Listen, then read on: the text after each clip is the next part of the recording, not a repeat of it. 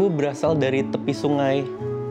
Akar dan jantungku terhubung dengan air dan tanah.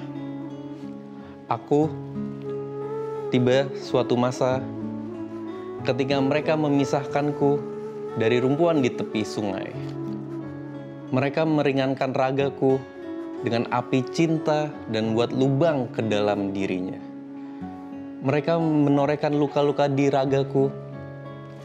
Kemudian mereka menyerahkanku kepada seorang yang nafasnya telah diberkati oleh Allah.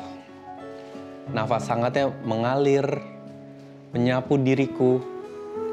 Pada akhirnya terbakarlah segalanya kecuali cinta. Dia meluluhkan aku di dalam dirinya. Aku mulai menangis dan menyingkap seluruh rahasia. Singkatnya, rahasia-rahasiaku menjelma menjadi nada-nada. Namun, bagi mereka yang mata, telinga, dan hati tertutup akan menjauh dan tidak dapat menanggap rahasia ini. Aku menjadi orang asing, tak seorang pun memahami keadaanku. Aku bernyanyi, dan hanya aku yang mendengar diriku sendiri.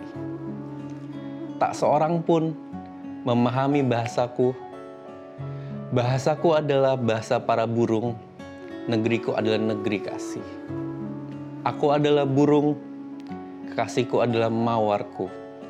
Warna mawarku tak pernah pudar.